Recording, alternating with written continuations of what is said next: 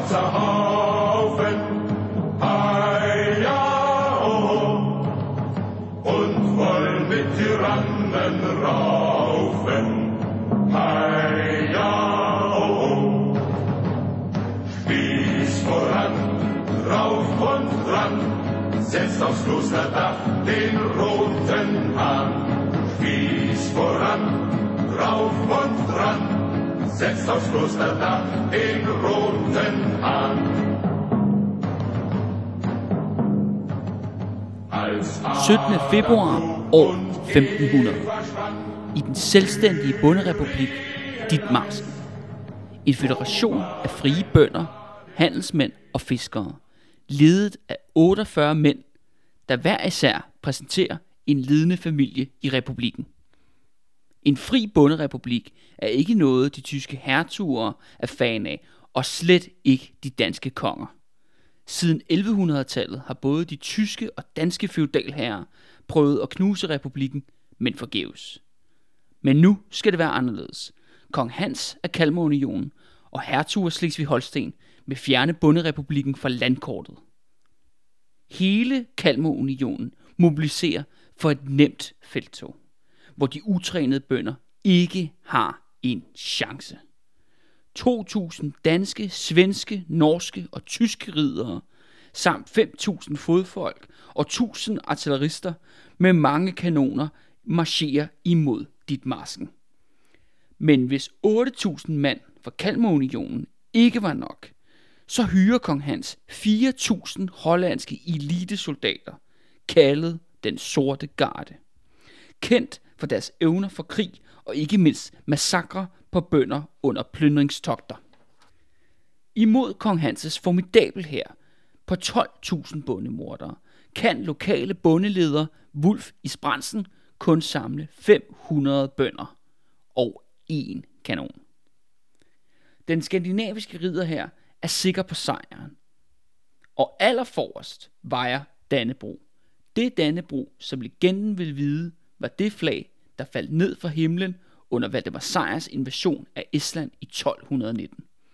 Det legendariske flag, der er givet af selveste Gud til danskerne. Unionshæren besætter hurtigt Ditmarsens hovedstad, Meldorf. De plyndrer, og byen brændes ned til grund. Kong Hans leder selv hæren og giver grønt lys til massakren på de selvstændige og oprørske bønder. Ved sin side har han sin lillebror, også en hertug af Slesvig-Holsten, ham der hedder Frederik. Efter Meldorf sætter de kursen imod Ditmarskens næststørste by, Heide. Men samme dag fanger bønderne en dansk spejder, og efter en omgang tortur finder de ud af, at Heide er unionshærens næste mål. Det er her, at Wulf Isbrandsen tager en beslutning, der vil komme til at ryste den tyske og skandinaviske feudalklasseorden i sin grundvold. Han vælger, at hans 500 bønder skal møde 12.000 professionelle soldater i åben kamp. Der er kun én vej fra Melfdorf til Heide, og på den vej befinder sig en mindre høj, tæt på landsbyen Hemningstedt. I et ellers totalt fladt landskab. Igennem en nat intensivt arbejde gør bønderne højen højere ved simpelthen at kaste mere jord på den. Så lige pludselig er der tale om en stejl bakke med barrikader på toppen. Til allersidst beordrer Isbrandsen, at digerne skal åbnes. Ditmarsken er ligesom Vadehavsområdet i Sønderjylland, det ligger under havoverfladen. Hele området er under vand, bortset fra Isbrandsens høj og den vej, som unionshæren marcherer af. Den 17. februar år 1500 nærmer unionshæren sig højen. Vejret er elendigt. Der er slud og regn og kraftig kold vind på én gang. Unionssoldaterne ligger selvfølgelig mærke til, at landskabet er oversvømmet, og ret forude er vejen spærret af en jordhøj med barrikader på toppen og med bevæbnede bønder. men bønderne er outnumbered 15 til 1. Unionherren føler sig overlegen, og særligt den sorte gardes øverstkommanderende Thomas Slants. Han tilbyder bønderne, at de kan ordne konflikten ved tvikamp. Thomas imod den stærkeste af bønderne. Thomas vil have en kamp, mand mod mand, en kamp til døden, så ingen andre behøver at lade livet. Men bønderne takker nej tak. Unionshæren starter slaget ved Hemmingstedt ved, at der åbnes ild med deres mange kanoner. Men de får kun nogle få skud af, før alt deres krudt er vådt af al den sne og regn, der falder over slagmarken.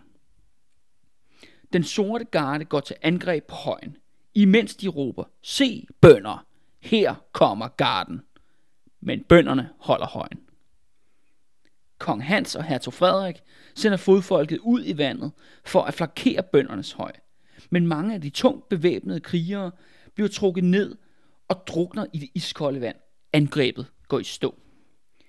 Isbrandsen ser muligheden og beordrer et modangreb på flanken. I det de angriber, råber bønderne, se sorte garde, her kommer bønderne.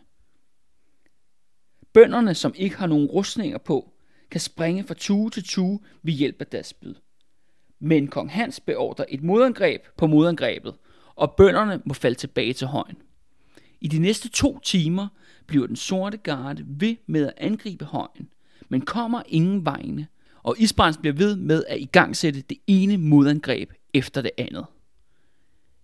Imens presser unionshæren bagfra på den snævre vej.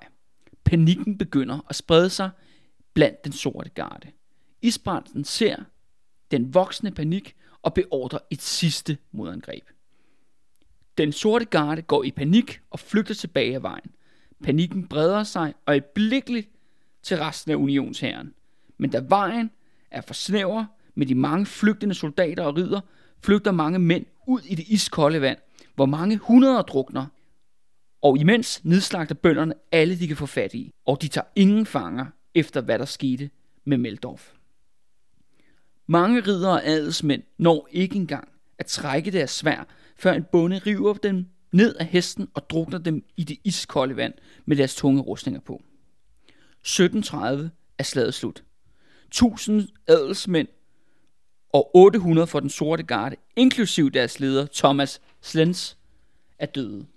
Kong Hans og hertug Frederik undslipper med nød og næppe, men de efterlader 7000 døde og 1500 såret på slagmarken. Og hertil har bønderne erobret Dannebro, det originale Dannebro. Isbrandsen bønder har lidt få tab. Og som en ekstra hån imod kong Hans og unionsherren, tager de det erobrede Dannebro med tilbage til Meldorf og hænger det op i deres store hal, der hvor de har demokratiske debatter, som en ekstra hån mod den feudale verdensorden. Nyheden om bøndernes sejr ved Hemmingstedt spredes vidt og bredt i Tyskland og Skandinavien. At bønderne kunne tilføje en kongelig adelsher sådan et blodet nederlag spredes som løbebil. Og med historien om unionskongens nederlag spredes også den idé blandt bønderne i Tyskland, Norge, Sverige og Danmark. Hvis de kan, så kan vi også. Mit navn er Kalle Kylmand. Du lytter til De Røde Fjer. Og det her, det er historien om Grevens fight. Spieß voran, drauf und dran, setzt aufs Klosterdach den roten Hahn. Spieß voran, drauf und dran, setzt aufs Klosterdach den roten Hahn.